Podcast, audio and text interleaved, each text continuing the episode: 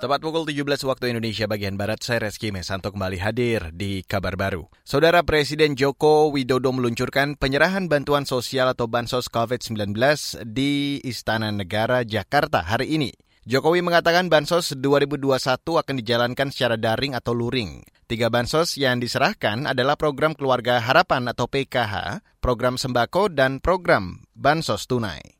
Tahun 2021 ini penyaluran bantuan sosial akan terus kita lanjutkan. Dan di dalam APBN 2021 telah kita siapkan anggaran sebesar 110 triliun rupiah untuk seluruh penerima dari Sabang sampai Merauke, dari Miangas sampai Pulau Rote dalam rangka membantu masyarakat mengatasi dampak pandemi COVID-19.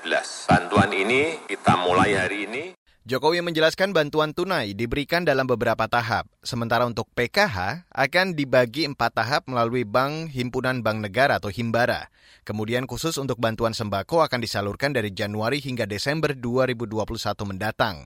Jokowi berharap bantuan ini dapat meringankan keluarga yang terdampak COVID-19 dan menjadi pemicu untuk menggerakkan ekonomi nasional. Beralih ke informasi selanjutnya, Saudara, Kepala Satuan Angkatan Laut atau KSAL, Yudo Margono mengklaim benda asing yang ditemukan di perairan Selayar, Sulawesi Selatan bukanlah drone pengintai bawah laut. Kata dia, alat tersebut adalah underwater sea glider atau alat yang digunakan untuk melakukan riset keadaan bawah laut. Ia menegaskan alat ini tidak memiliki sonar sehingga tidak bisa mendeteksi kapal-kapal milik Indonesia, berbeda dengan kapal militer. Jadi alat ini tidak bisa untuk mendeteksi kapal selam maupun mendeteksi kapal atas air kita. Jadi ini nggak bisa alat ini untuk mendeteksi seperti uh, sonar yang kita punya di kapal perang itu tidak bisa. Jadi ini hanya untuk data-data baterimetri atau kedalaman uh, apa air laut di bawah uh, permukaan. KSAL Yudo Margono mengaku belum mendapatkan informasi negara pemilik drone tersebut. KSAL akan berkoordinasi dengan Kementerian Riset dan Teknologi untuk menyelidiki lebih lanjut drone tersebut. Desember tahun lalu, seorang nelayan di Kepulauan Selayar, Sulawesi Selatan menemukan benda asing yang menyangkut di jaringnya. Benda tersebut diduga merupakan drone bawah laut. Saudara pebulu tangkis Indonesia Kevin Sanjaya Sukamulyo positif terinfeksi virus corona. Akibatnya ia dan rekannya yakni Markus Gideon batal mengikuti turnamen bulu tangkis Thailand terbuka.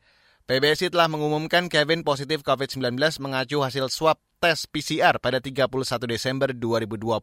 Sejak pertengahan Desember tahun lalu, Kevin sudah dipisahkan dengan rekan-rekan lainnya di Cipayung.